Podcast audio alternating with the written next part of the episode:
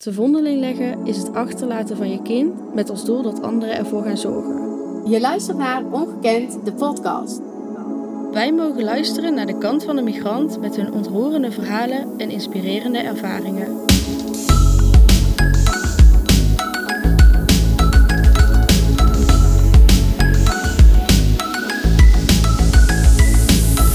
Met vandaag Lindsay Kosten, Leeftijd. 27 jaar, China of Nederland? Nederland. Om deze reden zou jij terugkeren naar China. Voor de Chinese toeristische attracties en de pandadierentuin. Nederland in één woord. Geluk. Als babytje van nog geen jaar oud is Lindsay te vondeling gelegd in een park in China. Ze leeft een aantal maanden in een kindhuis en wordt dan geadopteerd door Nederlandse ouders. 27 jaar later ziet Lindsay zichzelf als een echte kaaskop. Wij spreken haar vandaag over haar adoptie, herinneringen aan het kindhuis en de vooroordelen die bij haar Chinees uiterlijk komen kijken. Hey Lindsay, we hadden het er net al eventjes over, hè, voordat eh, we echt begonnen met deze opname, dat wij elkaar eigenlijk al super lang kennen. Volgens Ja. mij al tien jaar, of Ja, misschien klopt. langer, omdat jij bij mij danste in mijn dansschool. Dus met trots verwelkom ik jou vandaag eh, voor de eerste keer in onze opnamestudio. Welkom, fijn dat je er bent. We beginnen in de tijdlijn met jouw verhaal achteraan. We willen graag weten hoe het nu met jou is. Hoe ziet je leven eruit anno 2022 en wie ben jij? Eh, ik ben Lindsay Kosten, 27 jaar en ik ben opgegroeid in Nuland, een dorpje in Brabant dichtbij Den Bosch. Samen met mijn eh, adoptieouders en hondjes. Ehm, inmiddels woon ik eh, in Zutphen samen met mijn vriend. Ik ben dit jaar samen gaan wonen. En in de weekenden ga ik graag eh, ja, naar festivals, eh, lekker borrelen met familie en vrienden, stedentrips. Ja, een beetje de dingen die iedereen wel leuk vindt om te doen. Ehm, ik ben senior bij Bijzonder Beheer Rabobank. Dus ik coach mijn collega's voornamelijk en ehm, ja, voer kwaliteitscontroles uit. En jij bent dus opgegroeid in een dorp. Ja, ik ben opgegroeid in een dorpje met ja, ongeveer 5000 inwoners. Ik heb het ooit 5000 opgezocht. Ja. Ja, heel klein. Grappig. Echt zo'n boerendorpje. En hoe kenmerkte dat jouw jeugd dan? Ja, ik denk toch wel veel buitenspelen. Veel ehm, vriendjes en vriendinnetjes die ook op de boerderij woonden. Want ons kent ons. Ehm, adoptie was toch ook wel iets wat nog, toen ik geadopteerd werd, eh, ja, nog niet iets vanzelfsprekends was. Best wel speciaal. Heel veel mensen weten bijvoorbeeld ook nog dat er eh, destijds een vliegtuig met lampjes in onze tuin had gestaan toen ik aankwam.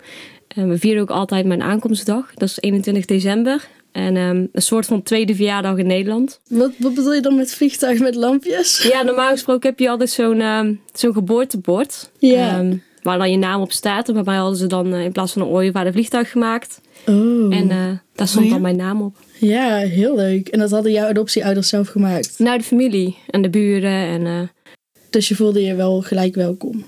eh, ja, nou ja, Ja. heb ik altijd gevoeld wel. Maar ik kan me er niks meer van herinneren. Nee, dat snap Want ik ik. was echt wat te jong. Ik was een half jaar toen ik ehm, naar Nederland kwam. Ehm, dus ik, ja, ik, ik kan bijvoorbeeld ook niet herinneren dat ik erg bewust van China naar Nederland ging. Ja. En ehm, Ik zal het anders zeggen, je was in ieder geval welkom. ja, zeker. Ja, ja. Als we dan even stilstaan bij Nuland. Als je daar als niet-Nulandse eh, deel gaat uitmaken van het dorp. Wat ik denk ik mag zeggen dat dat bij mij al ergens gelukt is. Hoe is dat dan om daar als geadopteerd meisje te wonen? In zo'n dorp, klein dorp. Eh, nou ja, je, je, je weet niet beter. Ehm, ja, ik ben altijd wel geaccepteerd geweest in Nuland. Mijn familie sowieso. Ja, ik ben gewoon een volwaardig nichtje. Ik voel me niet anders dan de biologische volwaardige, volle, volle nichtjes. Ehm, ja, daar wordt eens ooit een grapje gemaakt. We hadden bijvoorbeeld ooit met een familieweekend hadden we het thema warme koude kant. En het werd er zo'n grapje gemaakt. Ja, Lindsay mag bij allebei. Hè? Want, ehm, maar ja, ik, ik, dat is alleen maar... Ik, ik vind het helemaal niet erg. Want het is ook wel een beetje zo. En je bent natuurlijk gewoon wel, ehm, je hebt ander bloed, je hebt wel andere genen. Maar heel veel dingen zijn natuurlijk wel gewoon aangeleerd bij mij, zoals waardenormen, ehm, ja, de Nederlandse cultuur. Dus en in die zin ben ik, zeg ik wel eens ooit, helemaal verkaast. en hetzelfde geldt dan ook voor in Nuland. Ja, je komt op de basisschool en ehm, je komt in een klas met klasgenootjes. Ja, die, die zagen wat ik er anders uitzag. Alleen, ze hebben me altijd geaccepteerd. En ik had altijd heel veel vriendjes en vriendinnetjes. Voelde me nooit buitengesloten. Je zegt dat je niet echt het idee had dat je anders was dan de rest. Maar had je wel dat mensen misschien eh, net extra interesse erin toonden. Of een vraag stelden van, huh, hoe, hoe zit het eigenlijk? Waar kom jij vandaan? Mm, Dat ze daar ja. toch uit laten blijken dat het toch wel anders is. Wat dat dan Ja, is. echt een beetje meer na mijn, na mijn middelbare schooltijd. Dat mensen dus ook meer bewust zijn van adoptie, meer weten van adoptie. Als kind zijnde, ja, je, je ziet wel dat iemand er anders uitziet. Maar er is nooit aan mij echt direct gevraagd, waar kom jij vandaan? Of eh, waarom ben jij, eh, waarom zie jij de Chinees uit? Ja, het was gewoon zo. Ik, ik was gewoon Lindsay en ik was Chinees. En dan, mijn beste vriendin heeft zelfs ooit gezegd, ja, maar Lindsay, het zou echt heel raar zijn als jij nu gewoon Nederlands uiterlijk had. Als jij blonde haren had, dat klopt gewoon niet bij jou. Dus ik vergeet ook gewoon wel eens uit dat ik, dat ik er Chinees uitzie. En dan zegt iemand wel eens ooit, joh, maar eh, ja, ja, hebben jouw ouders dan misschien een Chinees restaurant? Of, eh, en, ehm, en dan denk ik ook, oh, nee, oh ja, oh ja, natuurlijk zie je er Chinees uit. Dus nee, nee, we ben geadopteerd. En dan, Oh ja. We zijn begonnen aan het einde. En we willen eigenlijk nu met de tijdlijn even terug helemaal naar het begin, naar de dag van jouw geboorte. Je kunt niet precies navertellen natuurlijk hoe of wat. Maar wat kun je daar ons over vertellen? Wat is er gebeurd in China? Eh, wat ik weet is dat ik de vondeling ben gelegd. Eh, Dat betekent dat ik eh, in het park gevonden ben. En door iemand naar de ja, politie ben gebracht. En vanuit daar ben ik in het kinderthuis terechtgekomen. Daar heb ik een half jaar gewoond. Er is ook niks bekend vanuit mijn eh, ja, biologische familie. Ik heb een Chinese naam meegekregen. En dat is op zijn Nederlands gezegd Yuxi. Eh, in China, ja, daar ligt die klankjes anders. Maar ehm, ja, die naam die heb ik ook nog steeds wel. Dat is mijn tweede naam namelijk. En die betekent ook nog wel wat voor me. Omdat het toch een stukje identiteit is vanuit vroeger. En voor de rest, ja, nee. eh, Ik heb verder geen herinneringen meer aan vroeger. Of, dingen Weet je waar het was? Hoe, hoe oud je was? Ja, ik was eh, te vondeling gelegd in een park in Shenzhou. Dat is een redelijk grote stad in het zuiden van China. Het kinderthuis bestaat ook niet meer, heb ik vernomen. Die is, eh, is gesloopt en hebben ze ergens anders wel weer opgebouwd. Ja, en ik was, ehm, ja, ik weet niet hoe, hoeveel dagen of weken ik exact ben geweest toen ze me weg hebben gelegd. Maar uiteindelijk was ik nee, een half jaar toen ik ehm, werd geadopteerd.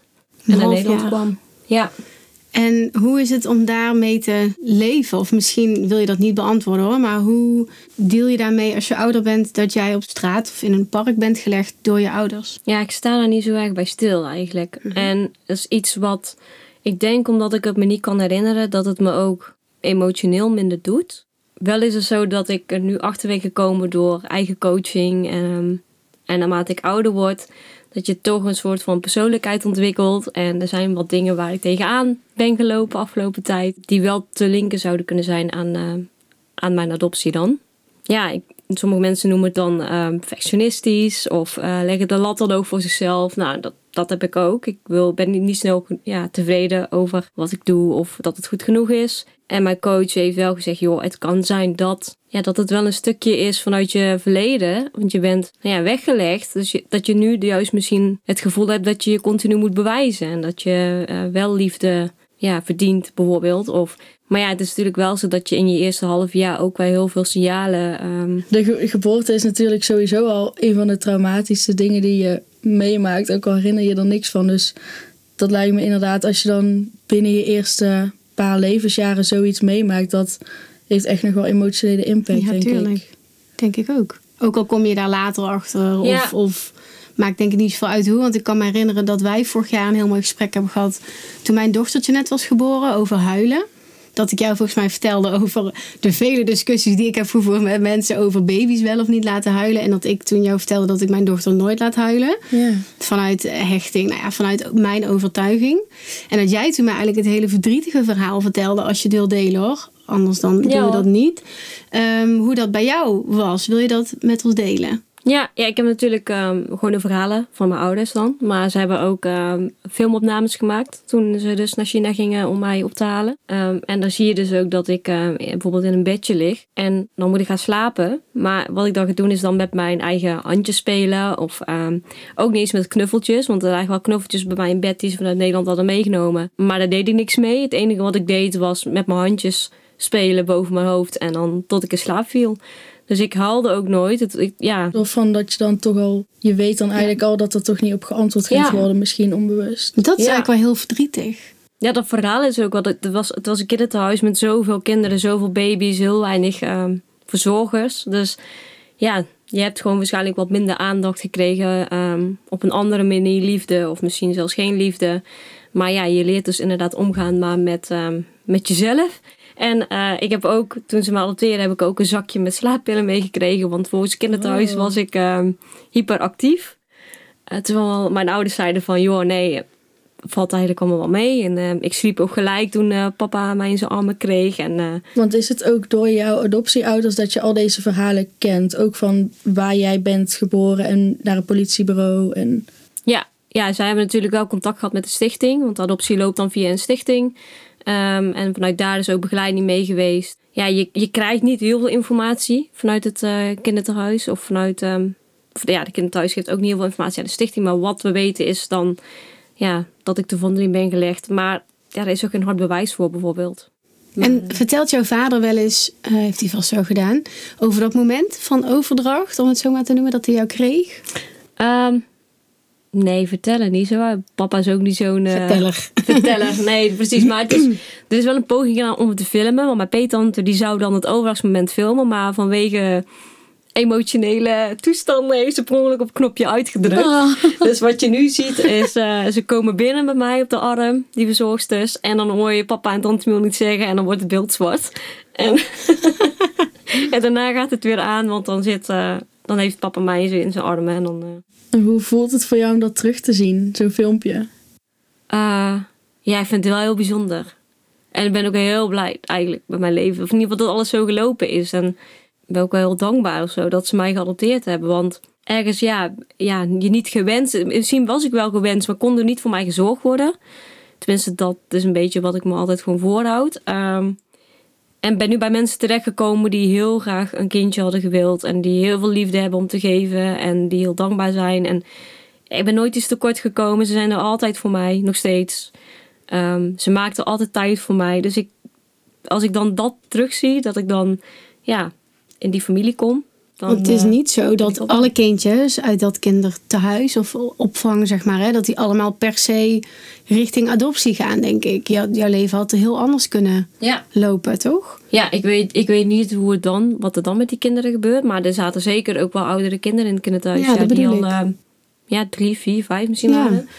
Dus het is ook niet zo vanzelfsprekend geweest inderdaad. Dat je dan maar geadopteerd wordt als je Nee. daar zit. En dan was je misschien daar gewoon opgegroeid. Ja, Gek, hè? Ja, ja nee, ik ehm, weet natuurlijk ook niet hoe dat was geweest dan. Maar Nee. als ik had mogen kiezen, dan eh, zou ik graag deze weg kiezen. Opnieuw. Fijn. Mooi dat je zo blij bent. En dan hadden we het net al even over dat wij elkaar lang kennen. En dat wij ook vijf jaar geleden wel eens over dit onderwerp spraken. Toen was je daar heel duidelijk in van ik heb er geen behoefte aan. Ik hoef er eigenlijk niet zoveel over te weten. Ik ben gelukkig in Nuland met mijn ouders en een vriend. Ehm, nu lijkt dat toch een beetje te zijn gekeerd de afgelopen jaar, twee jaar. Dat je toch wat meer interesse hebt. Of misschien toch iets meer afvraagt waar je dan vandaan komt. Of wat is er veranderd? Nou ja, de hoofdmoot blijft wel dus dat ik gewoon heel tevreden ben met mijn leven nu. En dat ik ook absoluut niks mis. Maar ja, ik denk dat ik er wel iets meer omarm. Gewoon dat ik wie ik ben. Mooi. En dat dat gewoon een stukje is wat er wel bij hoort. En ja, ik heb eenmaal een Chinees uiterlijk. En ik heb ook ja, Chinese genen. Dus ik kan het ontkennen, maar het is er gewoon. Want net zei je, ehm, ik hoef het niet te ontkennen. Is er een periode ooit in je leven geweest dat je het dan wilde ontkennen? Ontkennen misschien niet zozeer, maar ik vond het wel bijvoorbeeld heel lastig als ze mij vroeger uitschol of uitscholden. Maar eh, een jongetje in de kleuterklas die noemde me ooit Mulan. Of tenminste, ik ben wel vaak wel Mulan genoemd en nu denk ik, oh, zo'n compliment, weet je wel. Ik bedoel, eh, iedereen kent Mulan, maar ja, ik werd toen geassocieerd, of ja, eigenlijk, iemand zei dus gewoon tegen mij, jij bent een Chinees. En dat vond ik gewoon niet leuk. Want ik was geen Chinees, ik was gewoon een Nederlands meisje.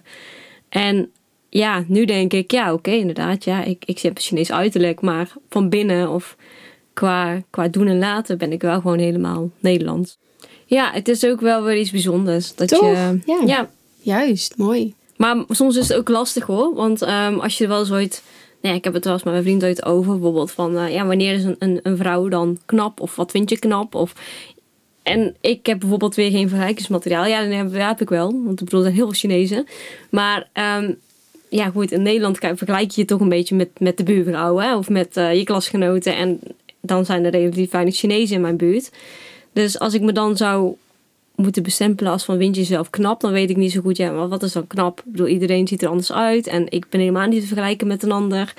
Dus dat, dat vind ik wel lastig, maar dat is ook wel weer iets bijzonders. Ja, ik snap al wat je zegt, je referentiekader. Nou ja, laten we in ieder geval even, toen wij net selfies aan het maken waren, vonden wij jou wel heel knap. Heel knap. Zeker, geen twijfel, geen twijfel.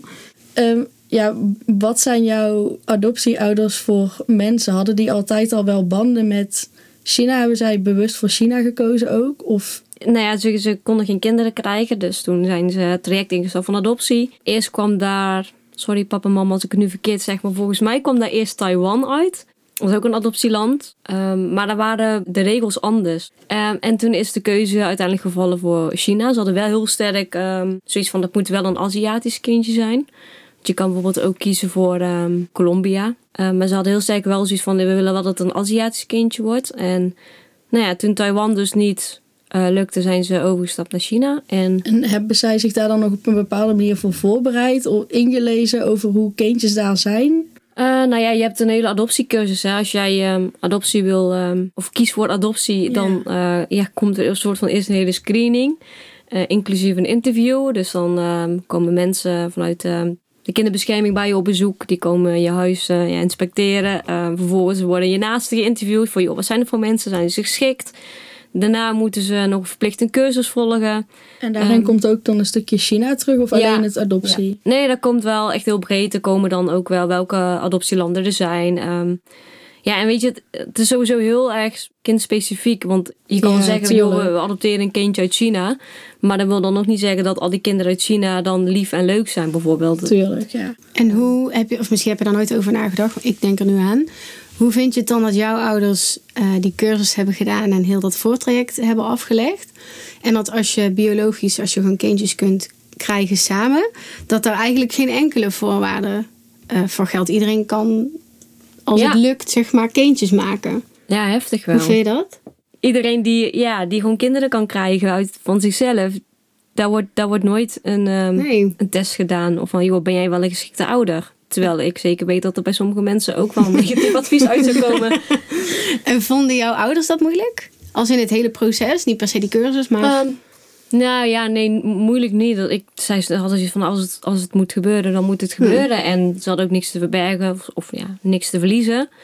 Dus nee, ja, het hoort erbij. Ja. Hebben ze lang op jou moeten wachten, weet je dat? Voor de huidige tijd is het, is het niet lang. Want Ja. tegenwoordig is het wel echt jaren. Oh. En volgens mij... het is ehm, heel, he- tenminste, wat ja. ik nu hoor over adopteren is dat het super lang duurt. Dat het heel Super, streng is en heel duur ook. Heel duur. Eh, je moet bijvoorbeeld voor China al geloof ik minimaal een bedragspaarrekening hebben staan van 8.000 of 10.000 euro. Je moest minimaal HAVO ehm, opgeleid zijn. Wauw. Dat was toen al zo wat je nu zegt. nee, nee, dat is Dat is nu. tegenwoordig. Ja, Mm. vroeger niet. Nee. Maar tegenwoordig wel, ja. Dus er zijn echt wel eisen bijkomen. Je mag als je, als je wil adopteren bijvoorbeeld geen overgewicht hebben. Ehm, Wauw. terwijl ik denk, hè, mensen met overgewicht, eh, die kunnen net zo goed hele goede ouder zijn dan iemand die heel slank is. Dus die regels zijn echt eh, verscherpt. Maar toen de tijd, eh, volgens mij hebben ze er anderhalf, twee jaar over gedaan. En ik. jij bent de enige bij Ja. thuis, hè? Ja, want mijn vader werd 40 toen, eh, toen we in China waren. Toen hij mij net, ik geloof, vier dagen had. En die zit wel met de grens. Want tot 40 mag je een baby adopteren. En als je dus 41 bent, dan mag je een kind adopteren wat minimaal één jaar is. Anders wordt het leeftijdsverschil echt te Oh, groot. ja. ja. dus het is bij één gebleven. En heb je er ooit over nagedacht dat je misschien ook geadopteerd had kunnen worden door andere mensen op, op een andere plek? Ja, of is dat iets waar je niet over nadenkt? Ja, zeker Wel. Ja, want gek, ik ben ehm, tegelijk met drie andere meisjes, dus nu al vrouwen, geadopteerd. Eh, we hebben met allemaal wel contact gehad. En vooral in het begin, toen we net naar Nederland kwamen, toen hebben onze ouders gezegd: we willen dat ze contact blijven houden. Dus we hebben, wat ik me nog kan herinneren, gingen we toen één keer per jaar of zo een weekendje weg met z'n allen. Met al die ouders en al die kinderen. En ehm, ja, daar is met één vrouw heb ik daar dan nog eh, heel sterk contact en een band aan overgehouden. En ben bij haar ook aan getuige geweest op de bruiloft. Oh. Oh, wauw. Ja, dus dat is wel ehm, heel bijzonder. En die band die wil ik ook zeker blijven houden. Maar ja, ik had bijvoorbeeld ook in haar gezin geadopteerd kunnen worden. Ja, Ehm, bijvoorbeeld. maar ik denk wel, als ik dan nu kijk hoe ik ben als persoon. En natuurlijk word je ook wel gevormd door je ouders. Maar dat ik wel heel goed pas bij het gezin waar ik nu terecht ben gekomen. Ja. Je geeft net aan dat jij niet per se behoefte hebt om jouw biologische ouders te leren kennen. Zou die optie er wel in principe zijn? Zou je erachter kunnen komen wat hun identiteit is? Ja, je, je mag altijd op zoek gaan.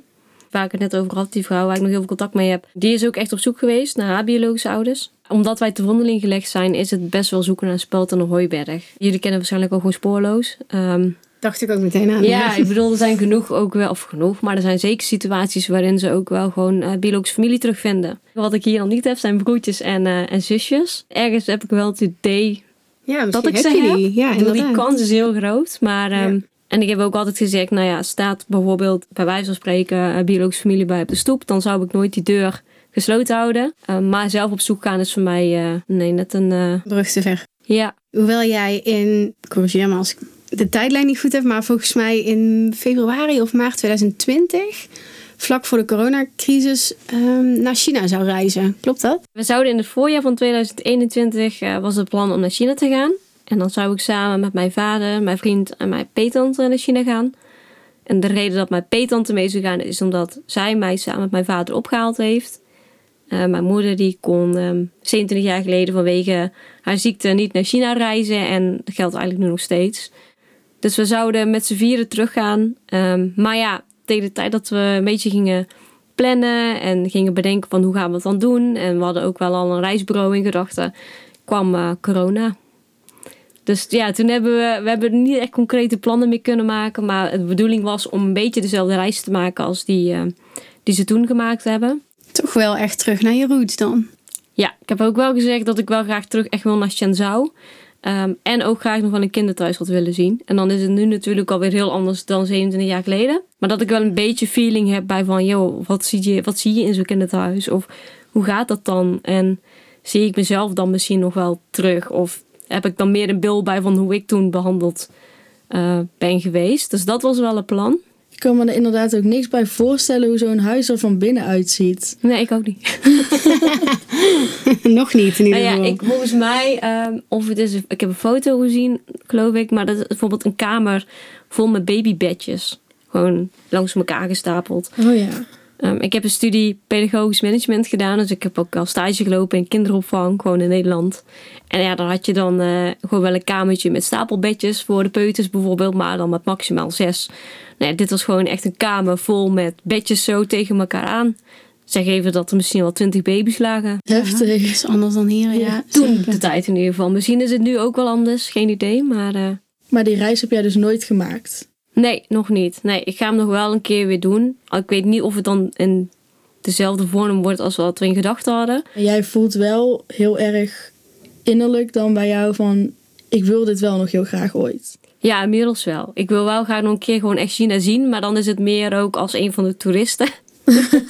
dan ehm, dat ik echt een hele diepe rootsreis ga maken. Maar ja, bijvoorbeeld kijk, Shenzhou is niet de stad waar iedere toerist naartoe zou gaan. Maar daar zou ik dan bijvoorbeeld nog wel heel graag naartoe willen. Maar jij vertelde mij toen ook, een beetje eh, gekscherend ook wel, waarom je het ook spannend vond om naar China te gaan. Kan je dat delen? Ja, ja, nog steeds. Ja, ook omdat ik ehm, een beetje bang ben of zo dat mensen mij dadelijk in het Chinees aan gaan spreken en ik ze gewoon niet kan verstaan. dus ik zat heel erg in mijn hoofd al, oh, dan moet ik dus zin die ik moet gaan leren in het Chinees. En dat is, ik kan geen Chinees of ik spreek Engels. Maar het lijkt mij zo, ik heb het zelfs ook al meegemaakt in Nederland hoor, dat ik bij de wok stond. En dat zo'n Chinese kok, eh, zeg maar achter de wok, iets tegen mij achteraf aan het zeggen was. Of mij aankeek en hij zei wat in het Chinees. En dan, keek, en dan keek ik hem aan en dacht ik, heeft hij nou tegen mij of tegen zijn eh, collega kok? Maar ja, hij keek mij aan. Dus ik dacht op een gegeven moment ook, ja. Dus ik zei tegen hem, ik kan geen Chinees. Ik weet niet of je tegen mij had, maar ik versta je niet. En hij keek me toen heel raar aan. Waarschijnlijk sprak hij geen Nederlands. ja, het kan zomaar, ik weet het niet. Maar dus dat is wel iets waarvan ik wel, ja, wel een beetje tegenop zie. Ja. Ja, dat gaat gebeuren, natuurlijk. Ja, dat Ja. mensen je dan gewoon, of dat ze je roepen of zo. En dat ze denken, nou, wat is dat voor arrogante vrouw, weet je. heb jij ook nooit de neiging gehad om Chinees te gaan leren? Heb ik geprobeerd. Ja, met, echt met de nadruk op geprobeerd. Want het was echt eh, om te huilen. Het was heel Moeilijk. lastig. Ja, ik was ehm, zeven of acht, volgens mij. Ik wilde heel graag eh, Chinees leren. Dus eh, mama zei, nou oké, dan ga je maar naar Chinese school. En ehm, daar kreeg ik dan een ja, lesje Chinees. Maar ik stapte al in in groep 2. En ehm, ja, de les begon met een poster op het bord. En daar stonden allemaal Chinese karakters op. En dan moest één iemand uit de klas moest het dan voor gaan lezen. Ja, ja, geen idee. Die had jij ook nog nooit gezien. Nee, nog nooit joh. En op een gegeven moment heb- kon ik het wel eh, oplezen, maar dan was het puur gewoon geheugen. Nee, en ik kreeg ook toetjes. En ik had ook bijvoorbeeld een werkboek en een lesboek. Maar daar stond in het Chinees uitgelegd wat je moest doen. dus als je nog geen Chinees kan, weet je ook niet wat je moet doen. Dus ik heb ook ooit... En dan moest je toetsen maken. Nou, ik heb echt volgens mij ooit een 0 of een 1 of zo. Is ja gewoon dramatisch. En jouw adoptieouders konden jou daarmee niet helpen? Nee, nee, nee, nee, nee. Ik weet nog wel dat mama en ik toen een keer naar, um, naar de Chinees zijn gegaan in uw land. Ja, het was heel grappig. Ik, ik weet nog één woordje. Als ik het goed uitspreek, is van Pieter of zo. Dat is mijn neus. Neus is dat. Wauw. En is het zo dat als China in het nieuws komt, of uh, heb jij dan een bepaalde interesse voor, of in de historie van China, of voel jij meer interesse daar naartoe dan naar bijvoorbeeld nieuwsberichten over andere landen? Of niet per se? Voel je daarmee verbonden? Nee, nee, dat niet zozeer. Nee, ja, de enige band verder, zo noem ik het dan een beetje, is dan dat ik panda's zijn mijn lievelingsdieren. Dus als ik ooit terug ga naar China, dan wil ik wel heel graag naar die panda dierentuin. Daarom zei je dat net ook in de introductie. Leuk. Ja, leuk. Dat, is, dat is wel... Um, ja, ik denk dat ik dat wel een beetje echt aan China overhouden heb. Ik weet namelijk niet of ik als ik niet Chinees was geweest, of in ieder geval die, um, dat verleden had gehad, of ik dan echt panda-beren als lievelingsdier had gehad. Heb jij nog andere manieren waarop er wel een beetje Chinese cultuur dan bij jou terugkomt? um, nou, ik denk meer niet dan wel. um, het enige wat ik weet is dat mama zei dat ik al van jongs af aan wel van pittig eten hield. Ja, en ik vind rijst gewoon heel lekker. Maar ik denk dat het meer, meer toeval is. Als, ja. als ik moet kiezen tussen rijst of friet, dan kies ik duidelijk voor rijst. Uh, nou, ik ben bijvoorbeeld ook bang, heel erg bang voor vuurwerk. Oh ja. Ja, ik ben ook totaal niet goed in tafeltennis. Ja, dan heb je het even over alle stereotypes rondom China. Uh, laten we daar weer even op terugpakken. Want daar waren we op het begin natuurlijk al wel mee begonnen. Um, ja, toen hadden we het ook even over jouw Chinese uiterlijk, zoals je dat zelf noemt. Um, ik was nog wel benieuwd uh, of je dat ook echt zo ziet. Of is dat misschien dat er in Nederland juist een nieuw soort Nederlands uiterlijk is gecreëerd waarbij dit ook gewoon bij hoort? De vraag is: heb jij een Chinees uiterlijk of is dit hoe prachtig nou, jij bent, ons nieuwe Nederlandse uiterlijk? Dat is eigenlijk de vraag. Misschien moet ik het anders formuleren. Um, qua identiteit zijn we natuurlijk al best wel ver. Van het stereotype Nederlander is al aangepast naar andere culturen die daar ook inmenging hebben gekregen. Maar als het gaat over uiterlijk, dan hebben we dat misschien nog niet zo. Dan is het toch echt wel een Chinees uiterlijk of een. Als je kijkt naar Nederlands uiterlijk, dan zou ik de Chinees daar niet in, in zetten. Ook al wonen er heel veel Chinezen ja. in Nederland. Maar... Want eigenlijk ben jij het voorbeeld van ja. wel. Is ook zo, ja. Maar ja, toch? toch? ja, je valt wel op. Heel eerlijk, want ik bedoel, als er um, blonde vrouwen in de klas zitten, of misschien wel um, lichtbruine haarkleur hebben, je valt wel op met je donkere haarkleur. Mm. En de vorm van je ogen. Ik bedoel, ik heb nu redelijk grote ogen, hoor ik altijd zeggen. Ja. Um, maar je hebt ook echt wel Chinezen die veel meer spleetogen hebben. Dus gewoon echt wat smallere ogen hebben. En dan valt het uiterlijk wel gewoon extra op. Dat is iemand die grote ja. ogen heeft, blauwe ogen en blond haar. Een, een kwestie van kwantiteit ook dan, gewoon ja. verhoudingen. Ik zou het in ieder geval wel heel mooi vinden als we daar uiteindelijk wel naartoe oh. gaan. dat je eigenlijk ook gewoon een Nederlands uiterlijk hebt. Dat zou heel mooi zijn inderdaad. Ja. Als we ja, dat zo kunnen noemen. Ik zou het nog wel, ja, ik zie je nog steeds wel als Chinees uiterlijk. Maar dat is puur omdat het verschil, het contrast zo groot is. Ja. En zit daar dan bij jou ook een stukje trots van... Ik wil ook dat het een Chinees uiterlijk heet, omdat je er trots bent op je roots, zeg maar? Ja, nee, ik accepteer het. Ben, ben er niet zozeer trots op of zo. Zou jij het vervelend vinden als onze droom uitkomt van de Nederlander en we accepteren iedereen in onze cultuur en uh, dat daarom misschien een beetje vergeten wordt dat jij ook Chinese roots hebt? Nee, voor mij helemaal niet. Nee, want omdat ik, ik voel me al gewoon Nederlands. Het enige wat me eraan herinnert is dat, dat ik een Chinese roots heb, is dat ik er Chinees uitzie. Maar ik denk ook wel dat als ik het heel belangrijk zou vinden om aan te geven, joh, ik heb een Chinees verleden of dan kan ik het ook gewoon vertellen. In plaats van dat mensen het aan me moeten zien. Ik ben er ook wel eens bij geweest, al vaker volgens mij, dat er grapjes gemaakt worden over Chinezen. Ook van die standaard, uh, nou ja, goed, heel flauw. Um, jij moet daar het hardst om lachen meestal van iedereen. Jij vindt dat helemaal geen probleem. Of nee, nee. Ik, ik interpreteer het niet goed, maar jij lacht daar het hardst om. Totdat iemand zeg maar de kring rondkijkt en denkt, oh ja, ja Lindsay is erbij. Maar jij, nee. Of, nee, of wel? Dat, nee, ja, nee, dat is ook echt geen toneelspel. ik vind het gewoon oprecht gewoon altijd wel heel grappig. maar ja, ik denk dat ook een beetje zelfspot is, humor. En ook omdat ik me niet beledigd voel, omdat ik me niet per se Chinees voel. Ik heb nu eenmaal gewoon een Chinees uiterlijk en daar zitten voor en er zitten nadelen aan. Dus ik vind vaak die grapjes, ja, ik maak ze zelf ook heel vaak met mijn moeder.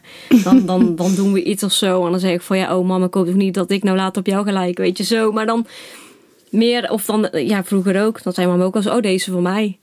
En ehm, ja, dat, ja, dat kan natuurlijk niet, qua gene niet. Ja. Wel dat je het overgenomen hebt. Dus dat bedoelen we dan een beetje. Sommige mensen winnen juist dat je die grapjes niet kan maken. En ik denk, ja, waarom niet? Ik bedoel, kijk, ik zie er Chinees uit en mijn moeder is Nederlands. Maar ze heeft me opgevoed en Het is jouw moeder. ja, het is mijn moeder. En het enige wat we niet delen is een bloedband. Maar voor de rest eh, delen we alles, ja. Dus vroeger, als je, als je, ja, toen ik jong was, stond ik nooit stil bij, ehm, bij bijvoorbeeld kinderen krijgen. Of ehm, ehm, meer die medische aspecten en genen en zo. Maar nu ik ouder word en ooit misschien wel kinderen ga krijgen, denk ik wel eens ooit, oh ja, weet je, een bevalling of zo. Ik kan het niet aan mijn moeder vragen van, joh, hoe was dat? Heb je tips? Nu heb ik natuurlijk genoeg mensen om me heen die wel ooit een bevalling hebben meegemaakt, waar ik het al kan vragen. Maar dat zijn wel dingetjes die nieuw worden of zo. Waardoor je even extra beseft, oh ja, je hebt dan niet eh, diezelfde genen of bijvoorbeeld ehm, Ja. medische afwijkingen. Ik heb een botziekte.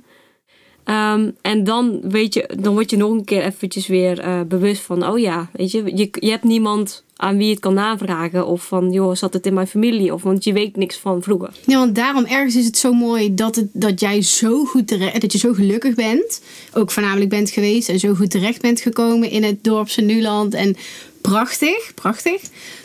Totdat je misschien dadelijk een kindje krijgt. En ik bedoel, dat is, dat is ook prachtig trouwens. Maar kinderen spiegelen je zo erg, denk ik. En het gaat zo erg over wie jij bent en over je identiteit. En ook dat jij en je vriend samen een nieuw mensje maken als dat allemaal mag lukken.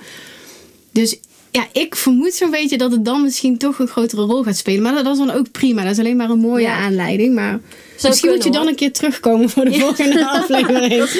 Afgesproken. en stel, er luisteren nu geadopteerde eh, meisjes, jongens, dames, heren hiernaar. Ehm, heb jij dan een tip als iemand aan het struggelen is? Of eh, misschien ook niet. Misschien mooi, gewoon jouw verhaal mooi vindt. Maar heb je dan een tip voor mensen die geadopteerd zijn?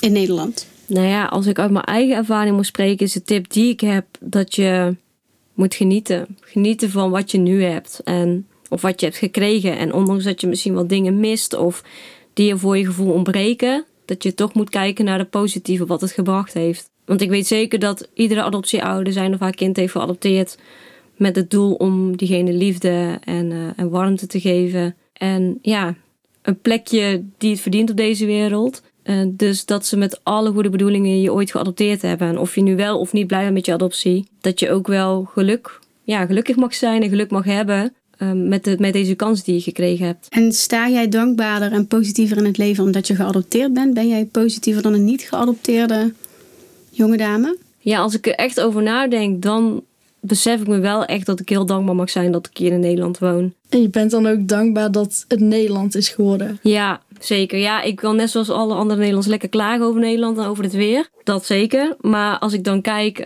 naar ja, welke mogelijkheden Nederland biedt en hoe goed we het eigenlijk hier hebben, ja, ben ik heel blij dat ik hier in Nederland terecht ben gekomen. Met het leven wat ik nu heb.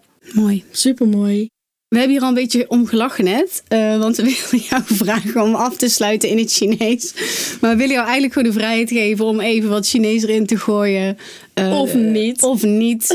Als je het wil. eh, wat je wel kent. Want dat heb je natuurlijk net al een beetje verteld aan ons. Dus een Chinese goed mag, een Nederlandse goed mag. Maar in ieder geval dank voor jouw komst. Nou, dan zou ik zeggen, wo ani en dankjewel. En dan willen Milou en ik heel graag nog zeggen tegen de luisteraars eh, dat jullie ons kunnen volgen op Spotify. Zodat jullie ook zien dat wij de eerste van iedere maand weer terug zijn. En hopelijk zien we jullie dan weer. Dankjewel Lindsay. Dankjewel, Lins.